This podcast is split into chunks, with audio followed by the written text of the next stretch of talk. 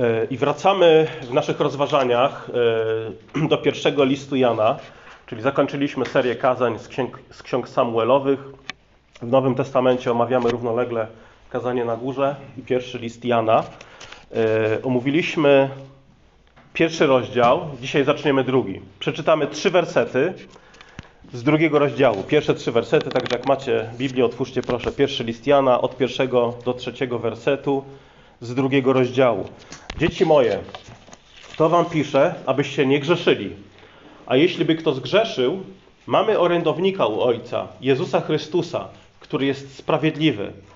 On ci jest ubłaganiem za grzechy nasze, a nie tylko za nasze, lecz i za grzechy całego świata. A z tego wiemy, że go znamy, jeśli przykazania jego zachowujemy. Boże, nasze Twoje oczy nieustannie patrzą na nas i w każdej chwili jesteś gotowy przyjść nam z pomocą. I nie pozwól, aby kiedykolwiek się nasze nogi zachwiały, aby nasze serca zwróciły się ku marnym rzeczom. Panie, niech Twoje słowo nas wzmacnia, kształtuje, wypala grzech i rozwija radość. Modlimy się, Ojcze, do Ciebie w Duchu Świętym przez Twojego Syna, naszego Pana Jezusa Chrystusa. Amen. Drugi rozdział y, pierwszego listu Jana. Jan zaczyna od słów, dzieci, y, mówi e, dzieci moje, to wam piszę, abyście nie grzeszyli. abyście nie grzeszyli. Nie mówi, dzieci moje, wszyscy grzeszymy i taka jest smutna rzeczywistość, nic już na to nie poradzimy. Grzeszycie, moje drogie dzieci, ale nie przejmujcie się tym, bo tak jesteśmy skonstruowani. No nic takiego nie mówi. Mówi raczej, że celem tego, co wam przekazuję w moim liście, mówi Jan, celem jest to, abyście nie grzeszyli. Czyli zwróćcie uwagę, że celem słów Janowych, cel, cel jest jak najbardziej praktyczny. I to w istocie bardzo często różniło nauczanie Pana Jezusa od nauczania rabinów jego czasów. Nauczanie, nauczanie Jezusa nie tylko odwoływało się do intelektu, poznania i zrozumienia, ale też wymagało odpowiedzi ze strony słuchacza, jakiejś, jakiejś reakcji. Czyli Jezus przekazywał na przykład prawdy na temat Bożego Królestwa, a następnie rzuca wyzwanie swoim słuchaczom, co z tym zrobicie? Jak, jak, jaka jest wasza odpowiedź? I tutaj Jan też mówi, celem tego, co napisałem, jest to, żebyście nie grzeszyli. Czyli kiedy czytasz Biblię, kiedy słuchasz kazań w kościele, nie wiem, w internecie, gdziekolwiek, pytanie zawsze brzmi, jeżeli to jest, jeżeli to jest kazanie biblijne, jeżeli rzeczywiście wyjaśnia rzetelnie i uczciwie tekst biblijny, to drugie pytanie jest, yy, czy podstawowe pytanie jest, jak to wprowadzić do mojego życia? Jaki wpływ na moje życie ma ta prawda?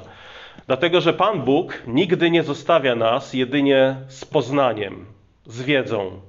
Każda prawda Biblii ma wymiar bardzo praktyczny. I teraz Jan mówi: Jeżeli zgrzeszyłeś, to masz orędownika u Ojca. Jeśli by kto zgrzeszył, mamy orędownika u Ojca, Jezusa Chrystusa, który jest sprawiedliwy. Czyli Jan mówi teraz tak, potencjalnie, jeżeli by ktoś zgrzeszył, i tutaj znowu jest bardzo, zobaczcie, bardzo realistyczny, jest, jest realistą, nie mówi, że skoro jesteś chrześcijaninem, to do końca życia na pewno nie będziesz grzeszył, bo jeżeli zgrzeszysz, to znaczy, że nie jesteś chrześcijaninem.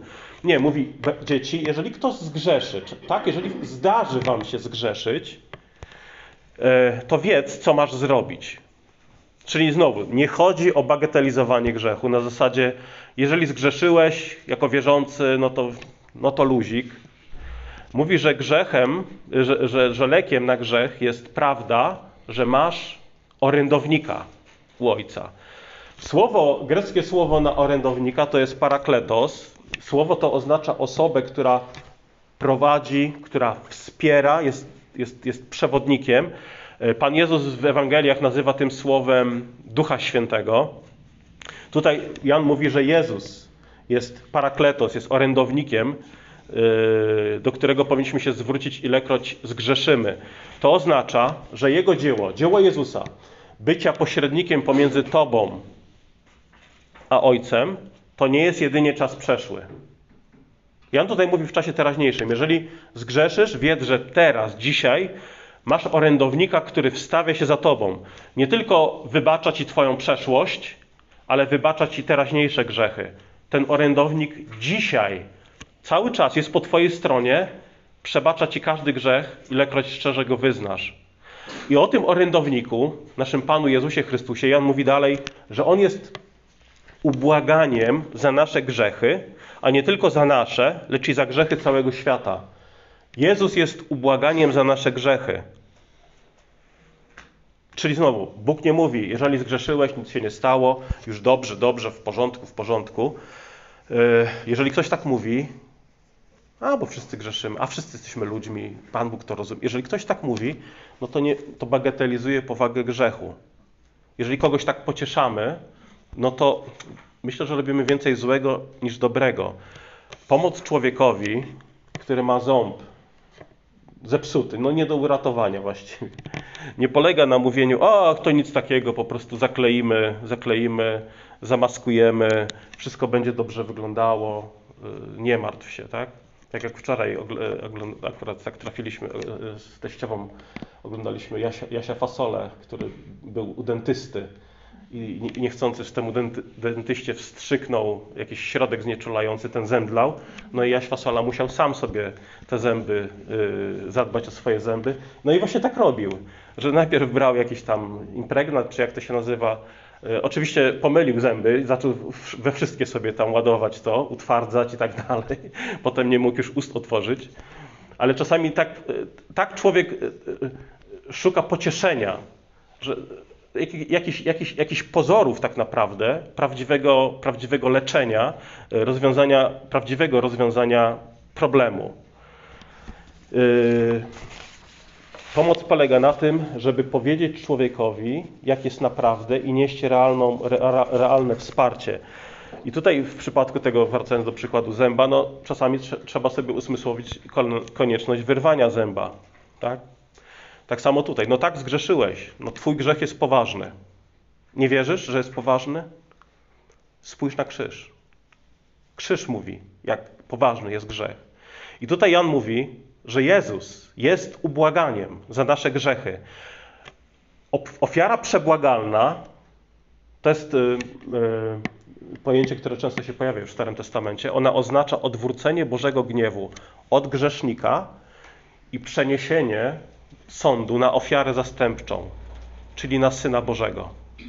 Ubłaganie to jest greckie hilasterion. I co ciekawe, to jest y, y, bardzo ciekawa obserwacja, że greckie tłumaczenie Starego Testamentu określa tym, tym słowem hilasterion, wiecie co? Wieko, pokrycie Arki Przymierza. Dosłownie, gdybyśmy chcieli dosłownie przetłumaczyć to, to, to wieko, jak, jak jest powiedziane, że Arka Przymierza to miała na, na tym wieku cheruby z twarzą do siebie, zaraz o tym powiemy. Tam e, można zamiast słowo wieko, e, poprawniej chyba byłoby powiedzieć przebłagalnia. Tam jest, to jest dosłownie przebłagalnia. W, w liście do Hebrajczyków, jak czytamy e, o budowie Arki 9.5, nad nią zaś cherubiny chwały, zacieniający wieko skrzyni. I tam jest, jak zobaczycie w grecką trans, transliterację właśnie tłumaczenia e, Nowego Testamentu, tam można, można znaleźć to słowo przebłagalnia. Przebłagalnia. I teraz zwróćcie uwagę, y, druga Mojżeszowa 25:17. Tak jest opisana arka. Arka Przymierza. Zrobisz wieko, czyli to jest znowu na grecki to jest hilasterion, przebłagalnia ze szczerego złota, 2,5 łokcia długie, a 1,5 łokcia szerokie. Zrobisz też dwa cheruby z litego złota. Zrobisz je na obu krawędziach wieka, tej przebłagalni, tak? Czyli była, było wieko skrzyni, na, ni, na, tej, na, na tym wieku były dwa cheruby, które były twarzą do siebie skierowane z rozpostartymi skrzydłami e, ku sobie. I czytamy dalej. Jednego cheruba zrobisz z krawędzi z jednej strony, a drugiego cheruba z krawędzi z drugiej strony.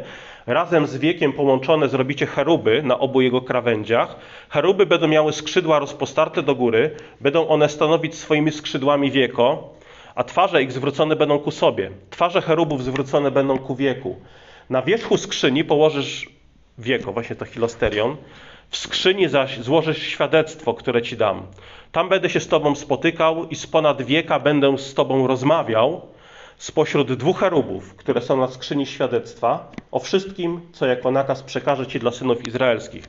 I teraz Ta Arka Przymierza, tutaj mamy opisane, jak ona wyglądała. To też to nie był przypadek. To ma też ważne znaczenie, jeśli chodzi o symbolikę dzieła Jezusa. Raz w roku arcykapłan mógł wejść do miejsca najświętszego w świątyni, gdzie była właśnie Arka Przymierza i miał krwią zwierzęcia kropić właśnie tą przebłagalnię, czy nad tą przebłagalnią, nad wiekiem Arki. Trzecia Mojżeszowa 16:13. I nasypie kadzidła na ogień przed Panem, aby obłok z kadzidła okrył wieko, które jest ponad świadectwem i aby nie zginąć. Potem weźmie nieco krwi z cielca i pokropi swoim palcem ponad wiekiem ku wschodowi oraz przed wiekiem pokropi z tej krwi siedem razy swoim palcem. Następnie zarżnie kozła na ofiarę za grzech ludu i wzniesie jego krew poza zasłonę i uczyni z jego krwią podobnie, jak uczynił z krwią cielca. Pokropi nią ponad wiekiem i przed wiekiem. I teraz zobaczcie, żebyśmy dobrze zrozumieli, co się działo, o co chodzi. Dlaczego kapłan miał kropić krwią nad wiekiem, czy, czy, czy przed wiekiem, przed tą pokrywą arki? E, musimy zrozumieć, czym była arka, jaki ma związek z Jezusem, jaki ma związek z przebłaganiem. Arka była miniaturą kosmosu. Była miniaturą świata, taką mapą, można powiedzieć, mapą świata opisanego w Księdze Rodzaju. Dół arki znajdował się na ziemi, w środku arki mamy, były trzy dary od Boga, które Bóg darował ludziom. Po pierwsze, tablicę z dekalogiem, symbol mądrości. Po drugie, manna, symbol życia. I po trzecie, laska Arona, która symbolizowała autorytet. To były dary od Boga dane ludziom. Na wierzchu arki, jak już powiedziałem, y, czyli symbolicznie można powiedzieć w niebie, były złote cheruby z rozpostartymi skrzydłami, twarzami skierowanymi ku sobie. One symbolizowały Boży tron, miejsce najświętsze w niebie. Natomiast pomiędzy cherubami i tymi darami, które Bóg dał ludziom w arce, mamy wieko. Mamy, czyli co to jest wieko? Wieko symbolizuje firmament, o którym mówi Księga Rodzaju. czyli między ziemią a tronem Bożym było wieko arki, nazywane przebłagalnią. Ono symbolizuje właśnie ten firmament, sklepienie, o którym mówi Księga Rodzaju, pomiędzy niebem a ziemią. I taki opis stworzenia, zwróćcie uwagę, mamy właśnie Biblii, Biblii tak? Mamy najwyższe niebo, mamy firmament, który często nazywamy tym niebem, jak spoglądamy do góry, to, no to, to można powiedzieć jest jak firmament. I mamy poniżej, poniżej mamy ziemię. I taką symbolikę miała nie tylko arka, taką symbolikę ma też, miał też, e, zwróćcie uwagę, namiot zgromadzenia i świątynia. Tak? Mamy przedsionek, czyli symbol, symbol ziemi. Mamy miejsce święte, czyli ten firmament. I mamy miejsce najświętsze, czyli niebo. I to właśnie w miejscu świętym, czyli pomiędzy przedsionkiem a miejscem najświętszym, mamy miejsce święte, gdzie był ołtarz, gdzie dokonywane były ofiary symbolizujące dzieło Jezusa. Właśnie w miejscu pomiędzy niebem a ziemią. Dlatego Jezus nie bez przyczyny cierpiał gdzie? Na wzniesieniu, na górze. Jezus cierpiał pomiędzy niebem a ziemią, pomiędzy Bogiem a ludźmi, aby był naszym pośrednikiem do Ojca. Czyli mówiąc, że Jezus jest przebłaganiem za nasze grzechy, jest, że Jezus jest przebłagalnią, oznacza, że jest właśnie jak to wieko arki, ta pokrywa arki, która była kropiona krwią. Symbolizowała właśnie firmament między niebem a ziemią, którym też, którym jest Jezus. Jezus jest pośrednikiem między niebem a ziemią, między Bogiem a człowiekiem. Czyli krew była na wieku arki, teraz widzimy, jest na Jezusie. Kiedy ojciec patrzy na świat poprzez dzieło syna i jego dzieło, widzi ciebie jako kogoś bezgrzesznego, kogoś, kto jest oczyszczony krwią Jezusa. Czyli arka, yy, czyli nie tylko Jezus jest jak ta, ta, ta, ta pokrywa arki, ta przebłagalnia, Ale Jezus, może powiedzieć więcej, Jezus jest samą arką. Ar, czy arka jest jak Jezus, symbolizuje Jezusa. Dlatego, że Jezus jest uosobieniem Bożej obecności pośród ludzi, tu na ziemi. To właśnie symbolizowała arka, była uosobieniem Boga w miejscu najświętszym. Symbolizowała Jezusa. Różnica polega na tym, że świątynia z arką w miejscu najświętszym dzisiaj już nie jest utożsamiana z jakimś jednym miejscem. Nie musimy jechać do Jerozolimy, żeby spotkać się ze świętym Bogiem w świętym miejscu. Świątynia z miejscem najświętszym jest tam, gdzie gromadzi się Kościół. Tam jest Jezus. Miejsce najświętsze, osoba najświętsza pośród ludu. Nawet tam, gdzie dwóch lub trzech gromadzi się w Jego imię. Tam mówimy o Bożej świątyni i najświętszym pośród nich. Czyli Jezus jest przebłaganiem, zwróćcie uwagę, za grzechy świata, tutaj mówi y, Jan, y, nie, y, co to oznacza? Czy to nie jest tak, że Jezus jest, że skoro Jezus jest przebłaganiem za, za czyjeś grzechy, czy to nie znaczy, że ten ktoś zostanie zbawiony? No tak, tak?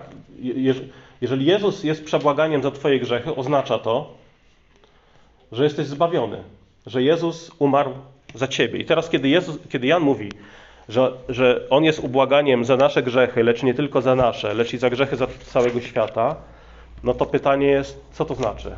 Że jest ubłaganiem za nasze grzechy, grzechy całego świata.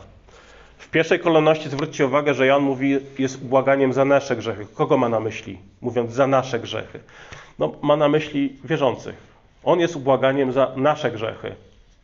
Nas, wierzących. A więc to jest jedno znaczenie krzyża, że Jezus umarł za swój lud. Jezus umarł za owce. Oblubieniec oddał życie za oblubienicę. Czyli kiedy Jezus umierał na krzyżu, jako ubłaganie, to nie umierał za jakąś bezkształtną, bezosobową masę ludzi, ale umierał konkretnie za ciebie, za każdego wierzącego. To jest jedno znaczenie krzyża. Drugie, krzyż oczywiście ma wiele znaczeń, ale inne jest takie, że Jezus umarł, też Jan mówi, za świat. Oznacza to, że umarł, aby stworzony świat odnowić, żeby świat zbawić. I to nie w znaczeniu takim, że wszyscy ludzie, którzy kiedykolwiek żyją i żyli i będą żyli na świecie, będą w niebie. Biblia nic takiego nie naucza. Jest, jest jednak mowa o piekle i też duszach, które tam się znajdą lub znajdują. Ale kiedy, je, kiedy Biblia mówi o zbawieniu świata, ma na myśli Jan tutaj w tym, w tym miejscu, że świat zostanie odnowiony. Czyli możemy spodziewać się przemiany świata, a nie potępienia świata. Jezus powiedział: Nie przyszedłem potępić świata, lecz świat zbawić. Czyli co? Czyli świat będzie zbawiony, świat będzie uratowany. W tym sensie, że zamieszkamy na nowej ziemi, nowym niebie. Nastąpi zjednoczenie nieba i ziemi. I to, to jest właśnie owoc dzieła Jezusa, przebłagania. Ta nowa rzeczywistość. Świat, który już nie będzie dotknięty przekleństwem, grzechem, zepsuciem. Świat będzie odnowiony, będzie uratowany. Czyli Chrystus umarł nie tylko za jakąś, nie wiem, garstkę ludzi, których możesz policzyć na palcach dwóch rąk, ale umarł za grzechy świata. I czytamy, że ojciec przyjął, ojciec przyjął ofiarę przebłagalną syna, co oznacza, że kiedy Bóg spogląda na ciebie, na twoje życie, to widzi co? Widzi bezgrzeszność Jezusa. Widzi płaszcz sprawiedliwości Jezusa, którym jesteś przykryty. Czyli Bóg jest ci przychylny. Bóg cię kocha. Bóg cię akceptuje dzięki zasługom, przebłaganiu swojego syna. Dlatego słuchajcie, kiedy dzieją się różne przeciwności w naszym życiu i może sądzimy, że to oznacza, że Bóg mnie nie lubi, kiedy pewne rzeczy spadają nam na głowę, jakieś problemy, które nas nurtują albo które powodują, że źle śpimy, nie myśl, że dzieje się to dlatego, że Bóg jest ci daleki, albo że Bóg cię nie kocha, albo że Bóg cię nie lubi. Kiedy psuje się auto, kiedy choruje dziecko albo rodzic, kiedy, nie wiem, mamy jakieś wyzwania zawodowe, ktoś traci pracę, nie myślmy, że to są przejawy Bożej niechęci wobec Ciebie. Pismo Święte mówi: Bóg jest nam przychylny, Bóg Cię kocha. Co więcej, Pismo mówi, nie ma żadnego potępienia dla tych, którzy są w Chrystusie. Nie ma, żadnego.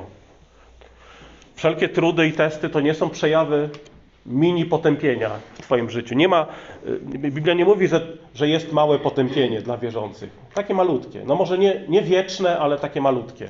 Nie, nie ma żadnego. Nie ma żadnego potępienia dla tego, który wierzy w Jezusa. Czyli zobaczcie, Jan tutaj wskazuje na obiektywne dzieło Jezusa na krzyżu. On umarł za nasze grzechy i za grzechy całego świata.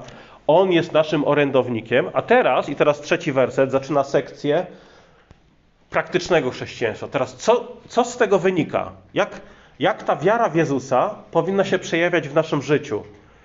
Skąd mam wiedzieć, że Jezus jest naprawdę moim przebłaganiem, że, że znam osobiście Jezusa? Z tego wiemy, że Go znamy, trzeci werset, jeśli przykazania Jego zachowujemy. Z tego wiemy, że Go znamy. To jest ciekawe, nie? że mm, Jan mówi tutaj o takiej bliskiej więzi, mówi o wierze w kategoriach znajomości Jezusa. Kiedy, kiedy Jan mówi o znajomości Jezusa, to nie ma na myśli wiedzy, tak? To jak świadkowie Jehowy mówią, że musisz mieć wiedzę, tak? Czytują Ewangelię Jana, 17 rozdział, trzeci werset, że to jest życie wieczne, aby poznali Ciebie i Syna Bożego, którego posłałeś. I mówią, aha, no to, to jest życie wieczne, żeby poznali, więc co? No, no to musisz poznać. Jak musisz poznać? No musisz czytać strażnicę. To my Ci naładujemy pewną wiedzę biblijną do głowy. Już teraz pomijam to, na ile to jest wiedza biblijna, a na ile fałszywe nauki. Yy, ale chodzi o właśnie takie, yy, taką wiarę, że znajomość Boga polega na tym, że Ci wtłoczymy zasób informacji do głowy. Nie tak definiuje znajomość Boga Słowo Boże. Kiedy czytamy na przykład w Starym Testamencie, że Izaak poznał Rebekę, to chodzi po prostu o intymną relację pomiędzy nimi. Znajomość Jezusa, nigdy, znajomość Boga, nigdy nie jest intelektualną znajomością prawd biblijnych. Czy szatan zna Boga? No i w, w, w definicji Janowej byśmy powiedzieli, że nie. Ma, ma szeroką wiedzę o Bogu. Wie dużo o Bogu. Ale Jan mówi tutaj, z tego wiemy, że go znamy, jeśli przykazania jego przy, przy, przez, zachowujemy. Czy szatan przestrzega Bożych przykazań? Nie zachowuje Bożych przykazań, więc nie zna Boga. Nie zna Boga, mimo tego, że ma szeroką wiedzę o Panu Bogu. Czyli znajomość Boga to jest właśnie to, raczej to pytanie, czy prawdy o Bogu są, użyję takiego słowa, zinternalizowane w nas. Czyli czy, czy przemieniają nasze serce wewnętrznie, nasze życie, co się przejawia z kolei na naszym postępowaniu. Czy znasz Jezusa jako bliskiego Ci Zbawiciela, który Cię kocha, który oddał za Ciebie życie i pokonał moc grzechu w Twoim życiu? To jest to pytanie. I teraz możesz odpowiedzieć tak lub nie. Jeżeli odpowiadasz tak, znam Jezusa jako Pana i Zbawiciela, no to Jan tutaj stosuje ten test. Skąd, skąd wiesz, że znasz? I teraz ten test, test Janowy jest e, dzisiaj lekko niemodny, dziwny, nawet w środowiskach ewangelicznych. Dlatego, że on mówi, z tego wiemy, że go znamy, jeśli przykazania jego zachowujemy. Przykazania Jego zachowujemy. Skąd wiesz, że znasz Jezusa? Skąd wiesz, że jest Ci bliski? No i słuchajcie, dzisiaj na to pytanie, czy, czy, czy znam Jezusa, udziela się mnóstwo odpowiedzi, które nie mają nic wspólnego z tym, o czym Jan tutaj mówi. Skąd wiesz, że znasz Jezusa? No i ktoś odpowiada, bo, bo czuję Jego bliskość. Inny powie, skąd znasz Jezusa? Bo chodzę do kościoła. Skąd wiesz, że znasz Jezusa? Bo przyjmuję sakramenty. My protest... to, są, to są błędne odpowiedzi. Jan nie tak definiuje to, czy znasz Jezusa. My, protestanci, podkreślamy prawdę o zbawieniu z łaski. Zbawienie z łaski przez wiarę. Mówimy, że jedynym warunkiem Bożej akceptacji jest dzieło Jezusa, które przyjmujemy przez wiarę. I to jest prawda. Ale Jan mówi o tym, co to znaczy, że ktoś uwierzył Jezus. Co to znaczy w praktyce? I tym kryterium jest zachowywanie przykazań. Nie oznacza to zbawienia z uczynków, ale chodzi o to, że przestrzeganie przykazań jest owocem żywej, szczerej, ewangelicznej wiary. Jeżeli ktoś czuje bliskość Jezusa, a jednocześnie zupełnie lekceważy Jego przykazania, Jan mówi, nie ma w nim prawdy. Możesz naprawdę czuć bliskość Jezusa tak bardzo, jak, jak tylko można czuć. Ale jeżeli nie przestrzegasz Jego przykazań, sam siebie zwodzisz, mówi Jan. I słuchajcie, taka niezgodność słownych deklaracji członków Kościoła z czynami, taka rozbieżność między deklaracjami a czynami, to ludzi w Kościele, to sprawia, że wielu niechrześcijan spisuje chrześcijaństwo na straty. Mówią, skoro Twoje życie to jest ilustracja tego, w co wierzysz, to ja dziękuję za takie chrześcijaństwo. Może masz piękne słowa na ustach, ale nie wykonujesz tego, co mówi Biblia, no to jak takie chrześcijaństwo ja mam traktować poważnie, jeżeli ty sam tego nie robisz? Z tego wiemy, że go znamy, jeśli przykazania jego zachowujemy. I teraz słuchajcie, no to, yy, tu pojawia się pewien dylemat, czyli co? Czyli mam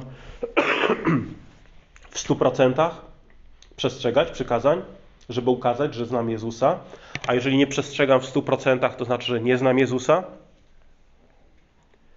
Tutaj odpowiadając na to, zacznijmy od tego, że biblijnej pewności tego, czy, je, czy ufasz Jezusowi, czy Bóg jest Ci przychylny, nigdy, tej pewności nigdy nie osiągniesz poprzez zaglądanie do swojego wnętrza.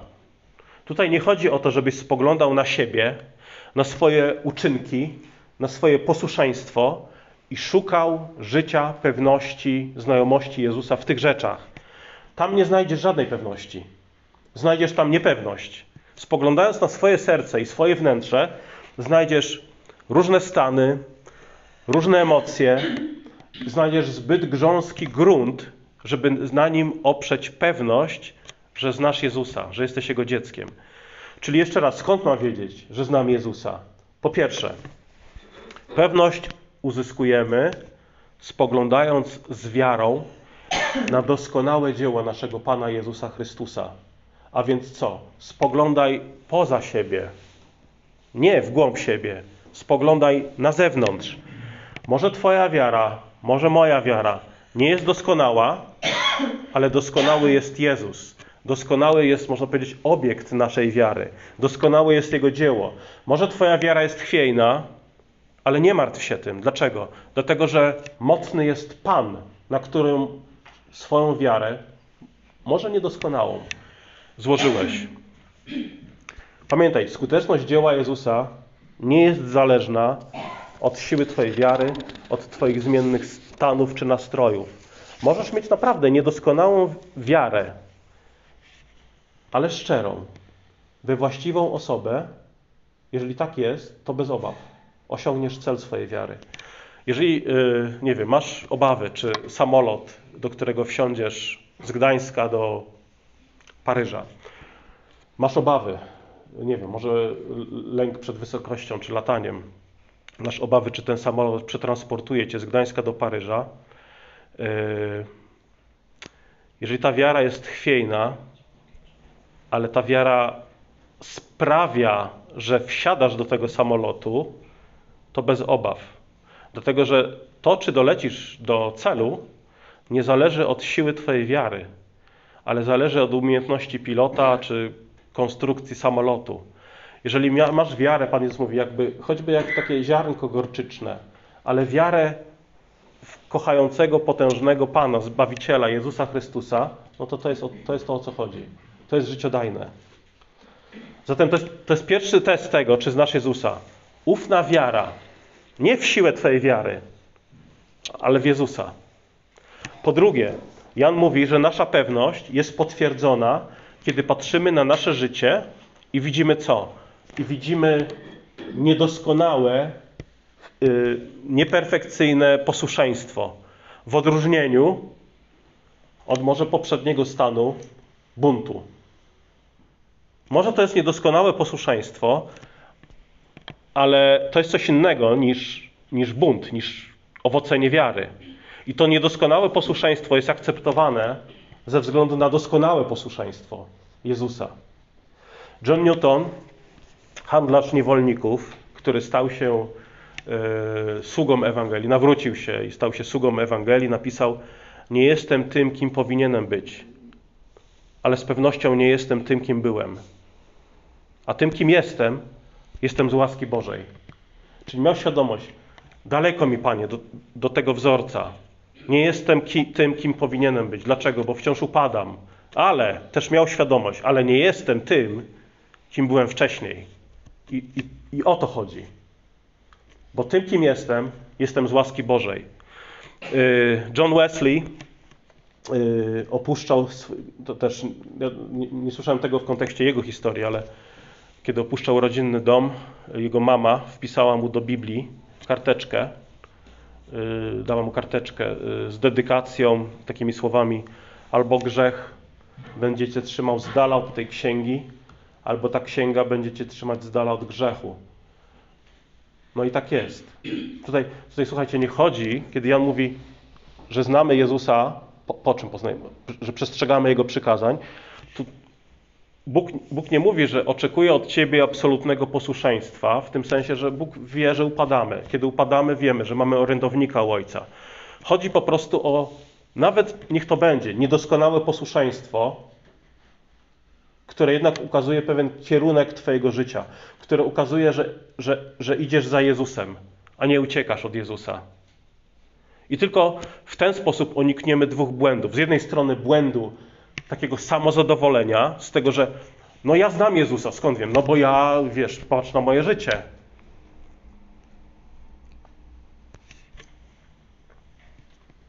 Błędu, który, który, który szuka zadowolenia w samym sobie, w posłuszeństwie, w, w, nie wiem, w przestrzeganiu przykazań. Czyli nie zabiłem, ok, odhaczam, nie, nie cudzołożę, ok, odhaczam, nie kradnę, ok, odhaczam. No to Panie Boże, zobacz, jest ok, chyba Cię znam, bo przestrzegam Twoich przykazań. Natomiast drugi błąd polega na tym, że po prostu trwamy w grzechu, uważamy, że znamy Jezusa, ale tak naprawdę tkwimy w samooszukaństwie. I to fałszywi nauczyciele w czasach Janowych którzy się wywodzili z gnostycyzmu, oni właśnie mówili, liczy się wiedza, posłuszeństwo jest nie, nie, niepotrzebne. My jesteśmy ponad tym. Jesteśmy wyżej, na tym high level, wysokim poziomie duchowości. Mamy wiedzę i poznanie. I ta wiedza stawia nas ponad wami. Fałszywi nauczyciele mówili, że można chodzić w prawdzie, nie zwracając uwagi na Boże przykazanie, bo liczy się poznanie, wiedza. I słuchajcie, podobnie twierdzi też relatywizm współczesnych czasów. Kiedy ludzie mówią, znam Jezusa, znam Boga, ale wiesz, na, na swój sposób. Ja odczuwam Boga po swojemu i nawet nie waż się tego podważać. Bo kim ty jesteś? I teraz Jan, Jan nie dałby się zakneblować takim oczekiwaniom. Jan mówi, skoro znasz Jezusa, no to przestrzegaj Jego przykazań. Czyli mówi, że są pewne kryteria tego, że znasz Jezusa, a tym kryterium jest posłuszeństwo przykazaniom. Zatem Jan by mógł powiedzieć do niektórych takich współczesnych gnostyków: Może masz wiedzę, może masz wykształcenie i kpisz sobie z tych prostych, zwykłych chrześcijan, którzy nie znają greki, którzy nie czytają akademickich książek, ale słuchaj, jeżeli trwasz w grzechu, nie zachowujesz przykazań, cóż ci po tym? Nie znasz Jezusa. Nie znasz Jezusa.